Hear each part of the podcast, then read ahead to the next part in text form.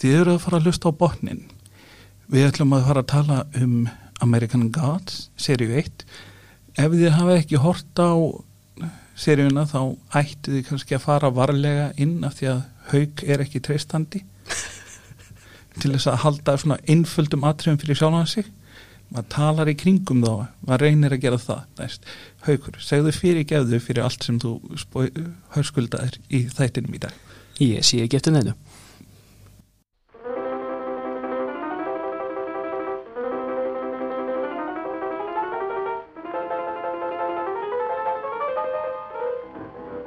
Jæja, veriði velkóin í botnin. Þetta er hlaðvarpstáttur sem að Kistan er með. Ég heiti Ólíknisti Sólegarsson og ég hef hérna fengið hann Haug Íslifs með mér og við ætlum að ræða um þáttaröðina American Gods. Sælverið? Aðalega fyrstu seríuna.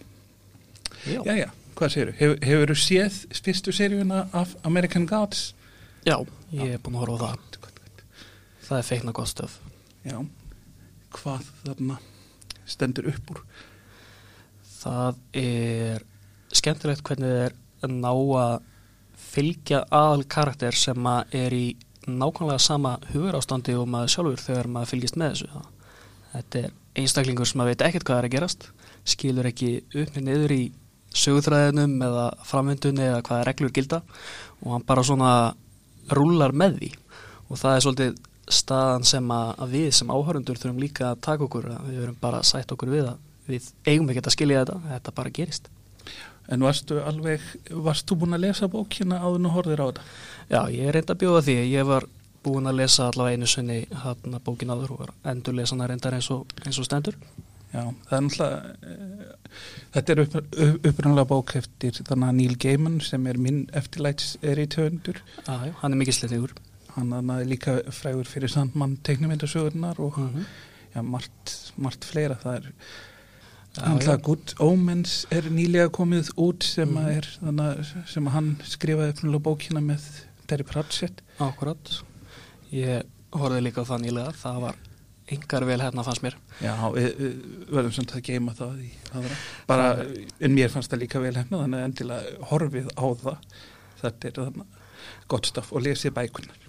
Það er sjálfsög, það duður ekki bara að horfa á sjónvarp maður verður líka að vera svolítið menningarlegur að lesa bækurinn á melli Er, þetta að halda í fram að þannig að sjóarsefni sem við erum að fjalla um sé ekki menningarlegt? eh, kannski ekki alveg á sama lefilegu þessar stórfínum bókmyndir sem að undir líka Ve, veistu, haukur, Já, ég er bara, veit ekki alveg hvað ég á að segja við þér þegar þú halda svona þannig fram. Það er, ég vildi að ég hefði hljóðbrellur hérna í þarna í þarna eh, stýriborðinu mínu til þess að baula aðeins á þig. þetta verður nú ekki skemmtilegt að við verum sammála um allt saman En, já, hvað, hvað fannst þér samt þá um munin á bókinni og þátt, þáttunum? það eiginlega kom mér á óvart þegar ég fór að lesa aftur bókina hvað er leifa sér í sjálfu sér að hringla mikið með sögþráðin aðalega tímalínuna kannski það eru ymsir hlutir sem að gerast í allt, allt annari röð og að þetta séu sem atbyrði svona í megindráttum. Og hvernig þeir fáið það samt þess að ganga upp? Já, mér þótti það mjög áhugavert að hana, eins og til dæmis við spóilum er það ekki? Það er óhjákvæmilegt. E- innan hóflegar marka ekki vera alveg veist, þessi degir og þessi Nei. degir svona. En, en á einum tímapunkti til dæmis hana, hitta aðal karakternir frægan einstakling úr, úr vestræni menningu í mörgum útgáfum. Já, við getum nú já, já, já, Jésu, skulum við bara segja. Já, að Jésu er til í þessum heimi ólíkt, ólíkt sem öðrum heim og þarna er hann til Já, allar töluvert mörgum mismöndi útgáfum því að kristna trúin er náttúrulega ekki ekkert monolið sem að allir trúa það saman þannig að, að atriðið í þegar að þau hitta hann er allt, allt öðrum stað í, í rauninni svona uppbyggingu sögunar heldur en í bókinni. Já, er alltaf þeir kliftu atrið kliftu hann ekki atrið úr bókinni það fylgir bara sem aukaefni. Uh, já, ég reyndar er með uh, Authors Definitive Edition eða eitthvað álíka sem er ekki við- sagt við- upprunalega við- útgáfan. við- já, Við skulum alveg, þú veist, hella okkur út í smáatriðin úr bókinni hvað er í, í hverju útgáfu. Það er podcast dynamite eins og þeir segja. Já, þetta er það sem að fólk hlustar á til þess að, að vita sko Já, Ah. en þarna það sem mér fannst mig eh, svona frekar eldur natri eh, þegar þeir, þegar þeir uppgöta þessa Jésu og allar saman þá var þannig atriði þar sem að mexikanski Jésu kemur fyrir þannig að fyrst sem er miklu áhrifað mér og mikil ádela á bandaríkin í dag Já, það er þegar að Jésu hann er að bjarga Já, og það geta allir séð hvernig þetta endar ef einhver Mexikan er að reyna. 2000 stóra gafall spoiler, Jésu deyr. Skál fyrir því. En það sem að er náttúrulega ég veit ekki hvort ég hef að segja hlakkaði til að sjá eða hvað ég kveið fyrir að sjá er náttúrulega Bill Quiz Já, þarna, sem að er, svo við spóilum það er þarna, við skulum alveg spóila hérna góðafræðinu á bak fyrir Bill Quiz er náttúrulega er þarna drottningin af Síba mm. sem er úr þarna biblíunni og ég man hvort hún sé í kóraninum eitthvað líka en allavega í einhverjum svona fylgi fylgiritum hún þekkist allavega vel í þarna íslamskri hefð mm. og þarna allar leið nýri í Eþjópíu líklega var hann uppröðuna frá svæðinu sem er núna Jemen. Það er mér þess að þannig frá síndi atriði frá Jemen þar sem að þarna vígamenn að vísunin í myndmálunni er allavega mjög sterk og hefur svona sterka tengingu við nútíman þegar við sáum það sem að gerist í, í Sýrlandi og Írak þegar að ISIS komst þar til valda á ákveðnum sveðum að, að þeir vildu náttúrulega útrýma öllu þessum eh, helgidómum og stittum og, og fleira sem að vísaði í eldri trúar hefðir það að sjá þetta ég ætla ekki að segja hvað atriði er, mm. passaði að sjá þetta atriði þar sem að þar sem að Bill Quiz læt tilbyða sig Mm. Fann- hvernig fannst að hefnast? Uh, já, ég held að þetta nái ágætlega utanum þetta. Er náttúrulega í bókinni er þetta mjög grafíst Já, að lýsingarnar eru mjög innilegar skulum við segja. Og, og mér finnst að það hafi náð þeim anda mjög vel í myndmálinu sem það er notað í þáttunum sjálfum. Til þess að sína svona hvaðan hvaðan kraftar hennar koma og, og hvernig hún beitir þeim. Já, ég ætla ekki að segja meira um það en við höfum alltaf fleiri þarna þjóðfræðilegar og góðsögulegar personur sem koma hana, við höfum Leprechaun mm. sem að ég veit ekki hvernig á að bera fram á írskáttin, ég veit það er ekki eins og bandaríkjumenn gera en ég veit líka að ég eftir að hafa lært þjóðfræði á Írlandi að ég get ekki get ekki lært hvernig þarna hvernig maður þarna ber fram írsk orð? Ég held að Írarnir væri ekkert sáttara við okkur ef við myndum að reyna að fara illa með giliskona þannig að ég látum við það ekki bara líka með hluta og nótum og bandariska talsmátan um það. Segir hann vísa hann ekki eitthvað tíðan í að General Mills sem sagt þarna þannig að morgunkors framlegandin beri svona hvað mest ábyrð á því að hann sé ekki glemdur Já, að, að ef að við svona aðeins förum í grundvallar hugmyndina á bakvið þessa bók að, að Neil Gaiman oft í sínum bókum byggja svolítið á því að, að trúin raungeri ímiskonar fyrirbæri og það er svona ástæðan fyrir því að allir þessir góðsagna verur eru til í heiminum sem American Gods gerist í er ákvæmt átrúnaðurinn sem að fólk leggur á það að það sé svona eins og orkan eða, eða maturinn sem að heldur þeim lifandi. Já, þetta er svo sem þarna algengt stef, ég held að Terry Pratchett hafi svo sem líka oft spilað með nákvæmlega sama. Já, í, til þeim í Hogfather og, og, og fleiri þegar það verða til Small Gods er uppáldið mitt. Já, hún er mjög fín líka.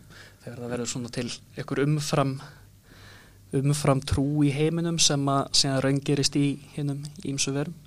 Já, sem er náttúrulega, þú veist, ég ger náttúrulega ef við myndum tólka þetta minna svona skáldlega þá getum við bara sagt, þú veist, þegar fólk trúur eitthvað þá hefur það áhrif á heiminn Mhm. ekki það að það raun gerist í að verði eitthvað svona ge, raunverulegur gerfingur þannig að goða eða þjóðsögna að vera heldur bara að trú fólks hefur áhrif á heiminn Akkurat.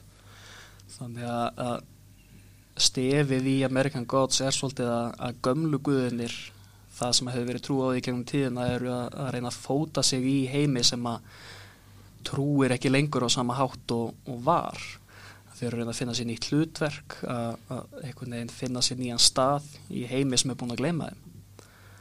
Og, og hvernig barótt að þeirra fyrir því að gleymast ekki svo þið tortímist ekki hreinlega út af því að ef enginn trúir þá eru þau ekki til Ég held að við sem ekki að, spilla neina óhóflega og fólk gæti kannski frekar að horfa á þættina fyrst mm. að þannig að óðinn spilar þarna meginu rullu. Já. Að, að það er svona kannski helsti fulltrúi þessara gömlu guða í, í sögunni er óðinn og, og svona hans mission að reyna viðhalda stöðu þeirra baráttunni við hinn nýju trúabröð þetta minnir mig svona næstum því á þegar ég var í kristinfræði og það var prestur sem var að kenna okkur.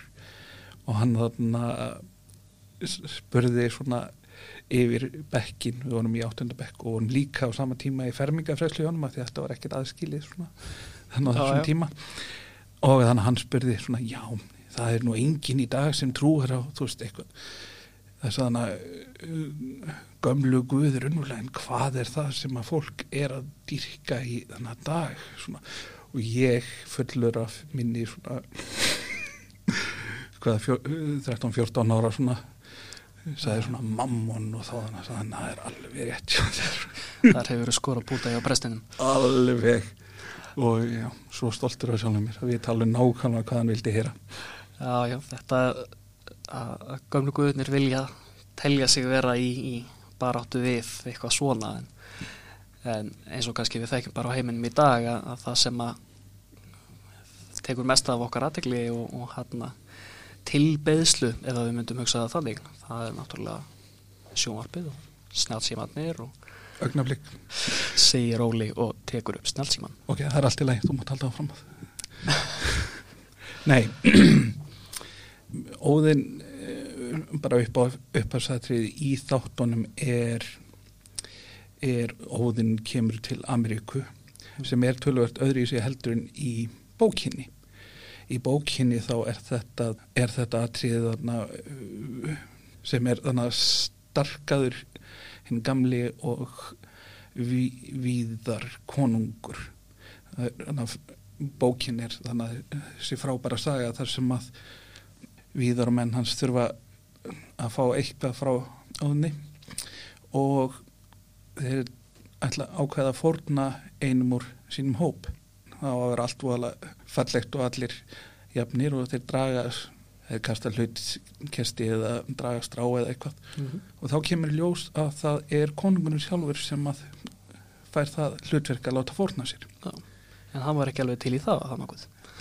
Nei, það er merkilegt svona hvað fólk hvaðan að kongar eru svona á móti því að láta kofa fram við sér hvert sem er Já, þannig að hvað funduð þér út úr þessu?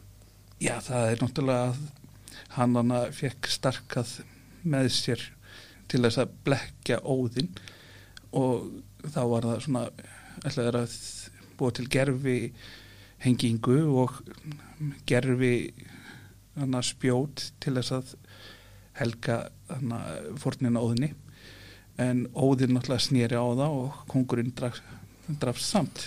E- eitt af hinnum þremur þannig að voðaverkum sem starkaður var dæmdur til þess að gera á sinni æfi Já, og Neil Gaiman veit þetta náttúrulega af því að hann hefur lesið þetta já, allt.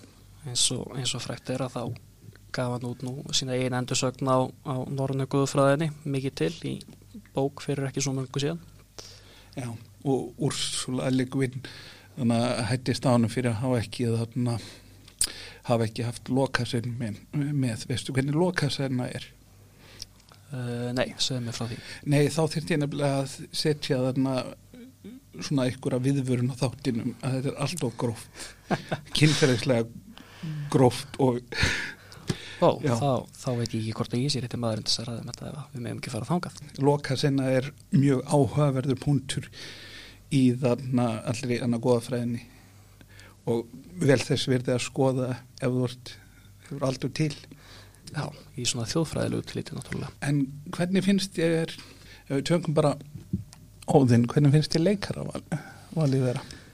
Mjög vel bara því að mér finnst þetta mjög vel hefnað að hann nær þessum svona gamla pyrraða kalli sem að er samt svona dulmagnaður og, og, og er að leina ykkur út af því að það er náttúrulega að húðin getur ekki verið heiðarlegur með það sem hann er að gera sem er náttúrulega það er náttúrulega satt að ja, allar sögur og óðinni fjallar meir og minna um svík og pretti og hann er náttúrulega ástæð, ástæð þess að tolkien lætur Bilbo hann að svindla í gátukenninni Mm. og því að það gerði óðinn líka Já, já, að hana, það hlutverk sem að Óðin er sem sagt búin að finna sér í þessum nýja heimi er, er sem conman í rauninni, sem svikarhapur fyrst og fremst, sem að passa tölvert vel við það sem að, en væri hann þá ekki frekar Alex Jones heldurinn? Þetta er svona merkilega merkilega small time svo svikastarfsemi sem hann þó stendur í. Að hana, þetta er meira svona meira svona að, hafa að fólki í skiptimyndina frekar heldur en að vera að svíkja út í stórum stíl. Já, ein, ekki að selja hann hinnar heila pillur hann hefur kannski gert það eitthvað tíðan á sínu svikaferli Já, og, og hann hefur náttúrulega orðað á því þegar hann talar um sjálfan sig að á einum tímanbúndi hafa hann haft, haft partner eða að félaga í svikum sínum sem að við sem að þeikjum til goðafræðina rættum náttúrulega að skilja um tvöfald eðlið hjá honum. að- Já, en já, ég veit það ekki, ég var ekki alveg jafnir hrifin af þarna leikaravalinu þarna, hann þarna, hvað heitir hann, Ian Mac, það ekki? nei, Shane Ian McShane, Ég er ekki alveg klár á því. Eh, ég, ég laga þetta í, og eftir og þá sé ég rétt nafn Það og hæðist að þér fyrir að hafa sagt Ian McKellen sem er Gandalfur, það er, ön, önnur svona norræn persóna. hvernig hefur þið viljað sjá Ég þessu? bara veit það ekki, ég sá hann alltaf fyrir mér sem eldri og það ergir mig töluvert En að þarna- áhugavert þú nefnir þetta því að, að hann í bókinni er allavega að tala um það á nokkrum stöðum að hann í rauninni eldist mjög hratt og síðan yngist hann upp alltaf þegar að honum hann tekur við fórnunum sem við getum kannski færið í hvernig hvernig hann fer að. Sem hann er svona uh, ungur og sætur þannig hann hittir þannig að sjá fyrst. Það er svo að sé nýbúið að fórna ykkur fyrir hann. Það sem að fór í taugarnar á mér er að ég sá aldrei í seríunum vera neitt eins og að sína að augað hans væri eitthvað svona grítið. Hann hefur mistað hann að augað. Já, maður tekur ekki mikið eftir því. Ég bara sá það varla og mér, smá spoiler fyrir aðra seríu þó sem ekki fara að tala um þá er eins og hann hafi allt annað gleru auga í annari seríu sem er miklu meira áberandi. Mm. Það er bara eins og hann sé með eitthvað svona gegnsæja linsu á öðru auðanu heila að, að valla maður taki eftir því. Sem að er náttúrulega eitt af því sem að maður ætti að taka eftir ef, að, ef um hinn sanna óðin er að ræða. Þú nefndi tvövalda eðli við höfum hlað Tjernobog þarna slavneska guðin það er annar leikar af það sem að mér finnst hefnast mjög vel. En það sem ég ætlaði að segja með Tjernobog það er sem sagt það að að Tjernobog og Soraya sýsturnar mm. það er einhverja koma þarna úr slavneskri goðafræði og eru samt svona ekki beinlínist hengt saman svona raunverulegum heimildum. Og það sem er sko með Tjernobok sjálfan er að hann, hann er ekki nefndur nema í tveimum fornum heimildum. Og það er þessi ákvæmna tólkun sem að geiman gengur út frá sem er umdild að hann eigi sér að, að bróður hann sé þarna hinn hin hliðin á einhverju tvöföldu Mm. eðli. Akkurat en það sem ég fann skemmtilegt er að önnur þarna heimildin um þetta um hann þarna Tjernobog er úr Íslands eða úr einni þarna ekki íslenska sögveldur þarna for, fortsögu íslenskri.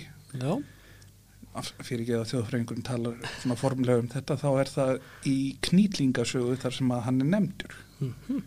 og það sem er hann er þarna nefndur þegar að danskir kongar eru að fara að austur í það sem að, að berjast við vinda eins og þeir voru kallaðir þá þarna Já. þessir slafar Mm -hmm. sem eru þá væntalega vestur slafar Já. sem eru þá þarna í norður Þýskalandi nútímans nor, norður Pálandi nútímans Mm -hmm. þessum sveðum og jafnvel allavega út í Eistrasalt en þá er hann að fara að berjast gegn þannig að reyna að kristna þessa þessi, að það eru tveir danski kongar Mhm. og þetta er saga sem er sagt að Ólafur kvítaskált hefði skrifað hvað, hvað sem er til í því eins og er skrifað í sögunni þá er það Svannravís Svannravís Já. en það sem er ennþá skondnara er að það er kannski bara í sömu sögu verið að þarna, nefna nefna hann þarna sam, sama guð Mm í annari krossferð hjá öðrum danskum kongi og þá er talað um Tjarnar Glófa Já. Tjarnobog er bara svona ein útgáfa nafninu svo, og fleiri eru svona meira geta verið svona Tjarnoglof eða eitthvað svoleiðis Mm. sem að heitir Tjernoglof þýðir þannig svartöfði Já. það gæti sem sé verið að hann, hann þarna Ólafur Kvítaskald hefði náð, náð svona tveimur útgáfum af sama slavneiska guðinum í þannig Í í, sömu reytið sögu. sínu. Svann, svannaraví er svona óalega svona en tjarnaglófi finnst mér frábært, frábært orð. Þó að svartöði verður kannski svona betra að bara þýða þetta beint en Það myndi kannski ekki skiljast alveg jafnvel. já, það er svona hvort vilt framburð eða merkingu Merkilegt líka út af því að auðvitað þekki maður mikið af, þeirri góðafræði sem að geiman er að fjalla um eins og þessa norrænu og, og kæltnesku eða ykkur viti og, og síðan það sem að er frá meðausturlöndum en ekki svo oft sem að maður verður var við að fólk sé að fjalla um ákvörða til dæmis slafanisku góðafræðina.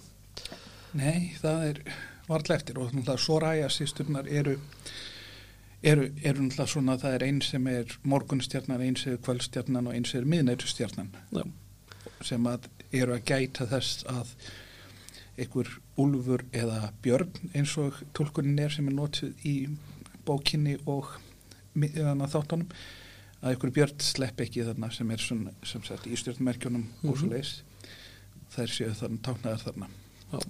Þetta er náttúrulega skemmt, kallað skemmtilega á við þarna norræna góða fræð þar sem að þessi þarna mögulega úlfur eða stór hundur Mm. á að borða alheiminn ef hann sleppur Já, já, að, að það er mýmislegt í þessu sem að fær mann til þess að hugsa að þetta sé nú að mörgu leiti mögulega samstofna hugmyndir sem að eru já, á mismunandi hátt. Þetta eh, ferðast í gegnum árin og tíman og, en þarna þá er það líka svona talandi um eins og ég segi að, að tjarnarglófi mm. sem að mér finnst að við ættum bara að kalla er svona ekki eini sem er svona tæpar heimildi fyrir en það er líka á stara.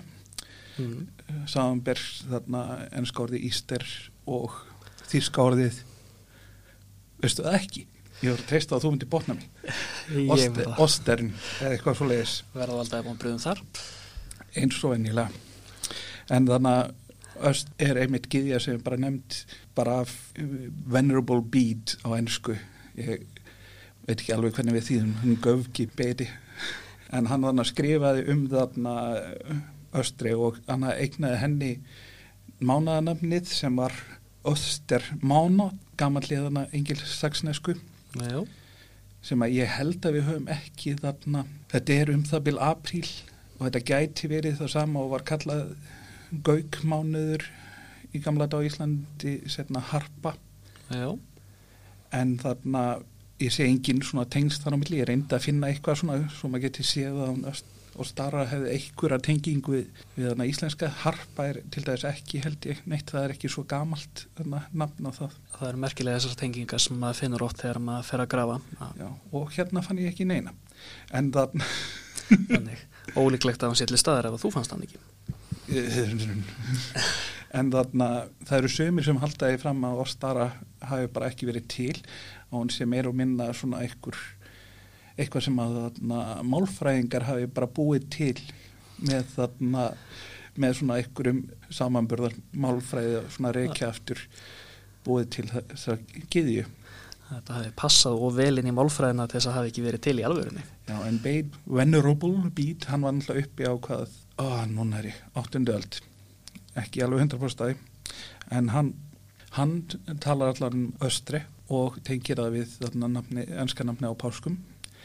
Og síðan er það Jakob Grimm, sem þjóðfræðingur og líka málfræðingur sem að taldi líka að þetta veri rétt.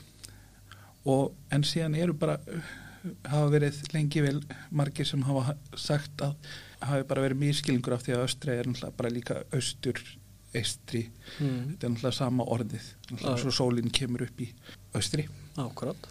en ég ákvaði að grafa hann og ég fann að það er allavega náttúrulega að tala um eins og einhverjar húsgeðjur að það hefur einhver hú, húsgeða sem hafi heitið allavega mjög svipuðu nafni. Það er erfitt, erfitt, erfitt að skýra hvað fólk trúði í raun og veru. En auðvitað þá er geiman alveg full frjálst að fara með taka þessar hugmyndir og spinna við þær. Þetta er ekki þarna goðafræði beinlíni sjónum þetta er, hann er bara að taka sögur sem var alltaf spunnið áfram við og er að spinna áfram með þér Jájú, og það væri ákveðin ákveðin róki að segja að, að þessar sögur hafi náð sinni endanlegu mynd á einhverjum einum tímanpunkti og síðan megi ekki megi ekki spinna meira með það þegar þær hafa alla tíð þróast í munleiri geimt En haugur, finnst þér kommentarkerfið ekki skemmtilegt spil? Uh, já, það er gríðulega skemmtilegt spil En vissir þú að það er kommentarkerfið tvö? Nei, sögum við því Það er bara eins og kommentarkerfið eitt bara prentað á aðeins betri papir. Þetta er mér aldrei dóttið hug. Og með nýju efni, nýjum fyrirsögnum og nýjum kommentum beint úr aðtöðsanda hölum íslenska vefmiðla. En það hefur ekkert gerst í fréttum á Íslandi síðust árin. Hvernig fannst efni fyrir þetta? Ég bara lauga ykkur. Það duður. Já, þannig að þið getið keipt kommentarkerfið hvar sem að það er til sölu, auðvitað. Það er góða staðu til að byrja og þið getur líka keift þannig að spilið hver myndi en þið getur reyndar ekki keift kommentkerfið fyrst útgáðuna af því að það er bara uppselt af því að það er svo frábært spil að sjálfsög já já, uh, hvað vorum við að tala um? Hver, hverju hittu við viðbútt við hittum náttúrulega Volkan aðeins og já. hann er kannski svona meira svona áhörður fyrir þessa hálf fasísku ímyndir og vopnaframlegslu sem sjást þannig kringum hann. Já, hann hefur fundið sér stað í nútíma samfélagi við hlið NRA og við líka safnaða og þannig að þetta er kannski ekkit ólíklegur staði fyrir rómverst góð að enda? Nei, svona með að við þá þjóðfélagsgerð sem að þar voru líðið þá passar þetta kannski ágætlega. Og já, síðan hittu við líka Núbis og Þóð Já, þeir eru mjög skemmtilegir. Þeir eru náttúrulega þeir eru bara eiginlega eftirlætispersonum mínar í þessu, þessari bók. Og náttúrulega sögurna sem hann skrifar eru, eru oft frábæra. Ég fannst reyndar svolítið ergilegt að í þáttanum þá var sögunni af sem var um svona pixi mm -hmm. eða pisk pisk já núna núna verða írættir ræðið við þig nei þetta eru, þetta eru sko frá Kornól þetta ah og það er einmitt munurinn að þeir svona setja leprekonin í staðin fyrir pixín mm. Og þarna til þess að fletta einhverju saman sem að virkar vel í þarna sjóarstætti en mér fannst það bara því að þeir, þeir, þeir eru að taka þarna þessar litlu svona fyrir, fyrirgeðu mér þannig að vinnjættur sem eru svona inn í þessu þessari bók. Og þeir eru alltaf að reyna að fletta þá sem að koma fram í þessum þannig vinjéttum inn í megin söguþráðin Já, meðan að í bókinu er þetta þá svona sjálfstæðari einingar sem eru meira já, að, að það er svolítið skemmtilegt hvernig að geimann skrifar þetta að það eru sagt, kaplar inn á milli sem að hvað kallar hann það ekki, Coming to America já. sem að er sem sagt baksaga þess hvernig allar hinn er mismöðandi góðsögna verur hvernig Já. þær enda í bandaríkjónu því að þær náttúrulega kom ekki nema það komi eitthvað fólk sem á þær trúir og þá er hverjum fylgdi hver og einn. Hvernig þau komu með innflytjandunum hvernig þau komu með þrælunum hvernig, hvernig þau færðust hana yfir og, og tóku sér bólfestu í bandaríkjónu til að byrja með. Já, talandi um þrælana þá er alltaf Nancy. Já, það er hann að hann, er öflugur karakter. hann er svona rekkjalumur sem er svona oft líkt saman við svona aðra svona slíka guði svo sem það náttúrulega loka Mhm. og og hann og þannig að slettúlfin eða Coyote í Ameríku. Já. hann tekur sér mynd kongulóar alltaf jafna hann Nancy og kom sem sagt með þrælum. Og það aðtrið alltaf mjög þarna stert Já, þegar hann kemur til bandaríkjana já, og hann þarna tryggir sér svona eins og hvað það að segja, hálgerða fórn Já, að, að hann kemur til bandaríkjana með stæl með, sem, til dæmis með leikaravalið hjá honum að, að þeir ákvaða að fara með töluvert yngri mann heldur en að allt saman í bókinni gefur líka hann á að vera mjög gamall í bókinni. Já, og svona lítill og, og krumpaðu kall. Já. En það er ekki alveg fyrir því að fara. saknar hann svo lítið það var mjög sérmjörandi karakter í, í bókinni fannst mér en og líka það það sem það gerir það tengir inn í að það sem er eiginlega framhaldsbóka að Nancy Boyce, hefur lesið hana? Uh, nei, ég er ekki, ekki byrjaður henni.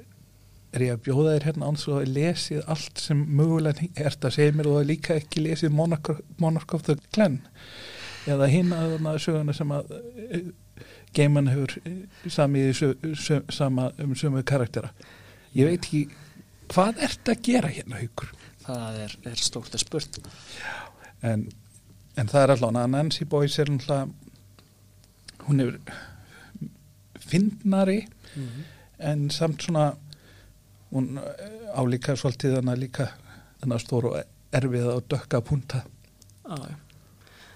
Það kannski virkar betur fyrir snjóvarp að vera með yngra fólk eins og bæði Nancy og, og, og Óðinn en, en svona thematíst að maður pælir í því að, að við erum að tala um hérna gömlu guði. Þeir eiga að vera á síðasta séns, þeir eiga að vera á undanhaldi og, og maður hefði haldið að það svona myndi vera öflugra myndmál í því að vera með einhverja gamla skarfa í þessum hlutverkum þá. Já, en það er alltaf Tjernobog sér maður aðeins að hann flakkar aðeins í aldri hvort að er ég þá fann að spoila seríu 2 fyrir þér? Hann er bara útlýtslega séð. En já, ég sakna þess að að Nancy sé- af því að það var bara karakter sem maður hafði svona tengt við og, en við höfum ekki nefnt kannski þarna það sem var mjög umdelt þegar fólk hann að sá hver, hvernig á valið hvernig leikara valið var. Já. hvað, hvað heldur að hafi verið svona umdilt þegar að voru að vera að velja leikarana heldur að hafi verið Það er, er margt í bóði. já, það handla aðalsögu hitjan, það fólk náða ergja sig að því Já, eh, fólk á netinu á það til að, að vera reitt yfir undarlegum hlutum. en það er þannig spurning þannig að þegar þú last American Gods fyrst Mm. tókstu eftir því að sjá þú væri líst sem svörtum Uh, nei, svo tilvísun sem að oftast er nefnd er að fólk spyr hann hvort hann sé sem með indjánablóð í sér já. og það var svona það næsta sem að komst í. það er líka allavega í lengri útgáðinu sem að ég var, var nýlega að lesa þá er einhvers þar það sem hann nefnir það að húðin hann sé að verða eins og kaffi á litin Já, af því að hann veit ekki hvort það hefur verið í sóli eða eitthvað Að- þannig að hvít fólk verður venjulega ekki og kaffi á litin nema, nema eitthvað sem er vel mjölkur blandað aðja. Og það sem að hann allir mér mestum vonbröðum er sem sagt að hann er ekki með hár. Að, að það kemur fram allavega á tveimur stöðum sem ég man eftir í bókinni að hann hárið á honum. Hann hafi verið með svart hár en þeir ákvaða að hafa hann hárlösan í, í þáttum sem, sem að reyndar finnst mér að líta betur út. Mér finnst að passa mjög vel þessum leikara sem hann alltaf ekki hvæðir en hann er líka svona þó að hann kannski í bandarísku tiliti myndi teljast vera þeld okkur að þá er hann svona á nógu óræðum e, e, e, útliti. já, einn dróp er nóg eins og þeir hugsaði í mandaríkjunum Já, að maður gæti alveg vel ímynda sér að, að þarna færi maður sem að hefði svona svona uppbruna sem er svolítið það sem að hana, þannig sem að Shadow er settur fram í bókinni, hann þekkti aldrei almennilega pappa sinn og, og mammans var endalust hvort hann hafi unni fyrir eitthvað sendir á þið eða eitthvað álíka þannig að hún var alltaf á flaki. Já, það var alltaf tekið fram í já, að hún hefði verið þannig í norður Evrópu sem að er alltaf eitthvað sem að mér fann skipta máli í bókinni. Þannig að, að, að það að Shadow sem karakter er að mér finnst mjög mikið hugsaður sem svona tómt blað, þann þarf að vera svolítið svona tilheyra hverki á engan. Og náttúrulega þar sem að sagan byrjar og ég vona ég með spólið því að þá er hann í rauninni búin að missa frá sér þá litlu tengingu sem hann hafði við heim mannuna Já, þú lætur þetta hljóma eins og hann hafi verið í helvíti eða eitthvað svona bókstaflegu helvíti hann sem sagt er í fangilsi þegar hann, hann byrjar og þetta það gerist á fyrstu fimm minúndum ég hlýta mig að segja mm. en, en þessi svona það að hann missi þessa tengingu og að hann hafi þann óljósa uppbruna og að hann viti ekki alveg hvað hann er eða hvenar að þetta svona gerir það trúverðugt að hann læ, láti til leiðast með öll þessi undarlegheit sem er að gerast í kringum hann Já. En ef við tölum hans, hann heitir, hann heitir náttúrulega Rik, Rikki Vittul sem leikur Shadow sem ég man ekki eftir að segja hann eins þar áður. En ég glemdi mitt að nefna að ég kannast náttúrulega við hann Ian McShane sem leikur leikur þarna Óðinn. Og það er náttúrulega fræ, frægastur eða neila fyrir Deadwood. Ah, en það sem er skemmt til þetta fyrir þarna, vá er það 30 ár, ég er gamal þá leik hann í þann að þáttum sér Lovejoy á, sem voru síndir á stöðu 2 þar sem, sem hann leik þarna forgripast sala sem var svona gjarn á því að koma með einhver svona svindl og eitthvað svona að einhverja brellur til þess að plata fólk sem átti að skilið sko augljóslega. Þannig að það er svona svolítið skemmtilega að kallast á við hlutverkans hérna. Mm -hmm og síðan náttúrulega Emily Browning sem þannig að Laura Moon. Já. sem að þannig að sínir allar sína, sínar fallegustu hliðar. Uh, Já. Talaði kringum þetta. Uh, uh, hún, hún þannig að færa að finna fyrir því. Sérðu hvað er auðvelt að tala í kringum hlutina? Ég veit ekki, hvernig sástu Laura fyrir þér þannig personuna Já, mér finnst Emily Browning passa ágætlega í þetta hlutverk út af því hún er eitthvað einn svona hún á að vera ógeðslega saklaus og svona yfirborðinu já, en í, er í rauninni svona stór þáttur af því af hverju er svona illa komið fyrir sétu þegar að, sagan byrjar að hún á að vera svolítið svona uh, manipulativ og, og hérna vefjónum svolítið um fingur sér mm -hmm. og draga út í hluti sem enda ekki verið fyrir hann. Já, en síðan er Crispin Glover sem leikur í þessu. Og kannastu við hann? Ég get ekki Back, back to the Future George McFly úr Back to the Future. Hann er maður sem að frægur fyrir að vera sérstakur. Hann, sem bara einstaklingur og telst erfiður oft þarna í, þarna í framleiðslu að, að halda aftur á hann því að hann þarna hann alltaf frægast að hann, hann reyfst við framleitu Back to the Future og fannst myndin vera of mikið að leggja áherslu á segja, gró, gróða og neysluhyggju sem er alltaf voðalega 80's Já. Já. og fór svona svolítið til hliðar út því hann leik síðan í Charlie's Angels mm. og mér, hann er alltaf augljóslega fyrir þetta hlutverk hann er, þú veist, alveg það klikkaður að hann egnar sér alveg hlutverkið Mr. World ah, síðan er það ég týti Badaki sem leikur Bill Quiz hún ég, ég, á erfitt með að sjá fyrir mér að það hefur hægt að gera það betur hún, hún bara eitthvað nei, nær nær alveg svona þessu þessu hlutverki í gegn Já, ég held að það hefur verið mjög vel valið að þetta er náttúrulega karakter sem að, að gengur svolítið út á svona kynþokka og, og Já, hún er náttúrulega bara kynlíf eiginlega holdi gert kynþokki, kynlíf. Það er bara hún, já. Og það er ekki hva, hver sem er sem að getur leikið karakter sem að, byggja á þeim grunni en, en hún fer einstaklega vel með það í, í þessu hlutverki En hvernig, hvernig fannst þér um þannig að tæknistrákin svo við fyrir ekki Tæknidrengurinn, hann var, það er náttúrulega munur á honum þarna og í bókinni að í bókinni þá er honum líst sem svona feitum. Já, uh, en hann er svona, hvað getur maður sagt, svona heifstæralegri í, í dag til dæmis. Eitt sem að er ákveða að breyta er það að í bókinni þá er hann reykjandi einhverjar síkarettur sem að, hvað var ekki, einhver synthetic toadstool eða eitthvað álíka sem það var í. En náttúrulega nútímaðu en þetta og hann er farin að veipa já, sem að ég held að passi alveg einstaklega vel inn í þessa hugmynd sem að baki leikur. já mér finnst það voðalega vel heppin hann sko bara minnir mér sko meira og minna á þú veist það er einhverja hvað þau segja svona 8chan, 4chan gaura sem að verða síðan nýna sýstar það er þessi svona yfirgengilega tilætlunasami og hann svona entitled úlingur sem að, að telur sig vera svo einstaklega snjallan og, og eiga svo mikið skilið. Já, að hann, það kemur hún svo mikið óvart að það sé ykkur aðri sem að hafi eitthvað að segja um hlutina heldur hann bara hann sjálfur. Já. Og síðan er media kannastu við hana? Uh, Nei, er, er það ekki hann að I Love Lucy?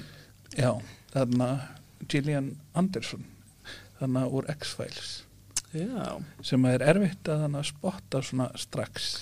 Nei. nær þessu vel. Ég hefði ekki gert þessa tengingu ef þú hefur ekki nefnt þetta. Nei. Það er eins gott að ég er hérna fyrir þig. Já, það er eins gott að ykkur okkur veit eitthvað. Og ég veit ekki alveg sko, hvað ég á að ganga lang, langt með svona rækta svona hróka fulla personu fyrir þannan þátt. Að ég veit að það svona getur bæði verið fyndið og það getur líka rjókesslega liðil Það verða allir að hafa karakter sko. Það er mjög nöðsynlegt þá er hann svona ljúfur miðaldra maður Já, en hvað segir þá með American Gods þess verði? uh, Af, af, því að, þú- af því að allir hafa hlustað núna í gegnum og herti segja allar að segja hörskulda þannig að svo við nótum reynum að nota íslenskt orð. Hörs, hö, sá hörskuldur var einmitt sonur prestsinn sem ég nefndi hérna fyrir í þættinu Small höskuldur. World. Og ég manni einmitt eftir hún leist hann af á náttúrugreipassaninu Akureyri þannig hörskuldi Já, þannig að þetta er afskaplega lítill heimur. Já, það kemst alltaf meira og meira því. Já, en ég held að við ættum bara að segja þetta gott í dag.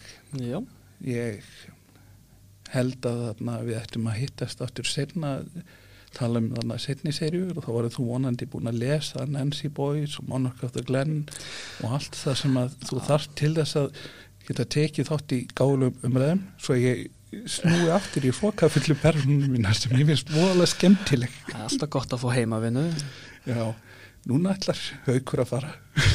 til að heima læra síðan sé umræðið hæfur Já, já. Þú hefur vantilega ekki til þess að plugga svona, heldur, nefnum bara uh, jákvæður fyrir þannig grunnskólum. Ég ætla bara að, að, að taka gambulið strax og, og ég fekk American Gods á audible.com og ég krefjast þess að spons Já, er það ekki Storytel frekar? Storytel stiði í okkur. Eða þá ekki töruglega keft bókina í Nexus. Nexus styrkið okkur. Um, hver sem er, gefið okkur pening. Það er hægt að finna þetta á áskrift.botnin.is getið þið styr, styrst þáttinn. Já, Það er svona áskriftarverkefni hjá Karolína Fund sem hefur þekktari fyrir líð fjármagnun heldur en heldur en svona áskriftarverkefni en núna er þeir að byrja með það þannig að kíkja á það sem allra fyrst. Ef að ykkur kunnið að meta bladriði okkur þá getum við talað meira ef þið gefið okkur pening. Já, um American Gods. Við gerum ráð fyrir að þið viljið fá fleiri þætti. Ef þið viljið fá haugkaftur nefni það sem gerst. Ef þið viljið ekki fá hann nefni það líka. Það er svona default assumption þannig að þið þurfum ekkert að nefna það sérstaklega. Já, já, en við þökkum áhörnuna, það er hægt að finna þannig þátt út um allt en ég skil aldrei í podcastum að þið eru alltaf að segja þið getur fundið okkur á Spotify, Apple Podcast Stitcher og þú veist iHeart Radio sem ég held við sem er hundar ekki á, við erum ekki á iHeart Radio en þarna þú veist málið er ef þú ert að hlusta á annan þátt þá veistu hvað þú finnur podcast. Þú finnur podcast bara hvar sem er, þú finnur þér app ég nota podcast addict til svo að hlusta á podcast en þú? Uh, Ég er farin að nota Spotify með reyta Já, það er voðalega þægilegt svona að hafa það sama en við erum náttúrulega í Spotify eins og allt annað. Um, Hver er uppáhalds podcastin kannski svona að lóka? uh, Ég hef mjög gaman af, af veru í Ljóðdóttur og, og hann í ljósi sögunar sem að nefna eitthvað íslensk líka. En hann Opening Arguments uh, bandarskur lögfræði podcast sem ég hef mjög gaman af. Og, og fleiri slík. Eftirleits podcasti mitt er náttúrulega Harmontown sem að hættir því miður núna í desember, já, öruglega eftir að tala meir um það við tækifæri. Því fólk sem að hefur hort á það og hlusta á það og hefur meira vit á hlutunum heldur en haug Já, það verður auðvöld að finna eitthvað svoleiðis. Já, ég er Óli Gneisti Sólesson og takk á honum hauki Ísleif sinni komin á fyrir að hafa þólað þessar svona alla augljósu brandara sem ég sagði á hans kostnað þrátt fyrir að nætti þá ekki skilið og þú veist, mér þætti ljótt að segja þá? Já, þakka kærlega fyrir. Já, uh, þá getið þið hýrt næsta þátt næsta förstu dag og verðið bara sæl. Njóti lífsins. Hlustið hérna á smá boogie-woogie sem að fjarar út. Kíkið á kistan.is kíkið á botnin.is og kíkið á áskrift.botnin.is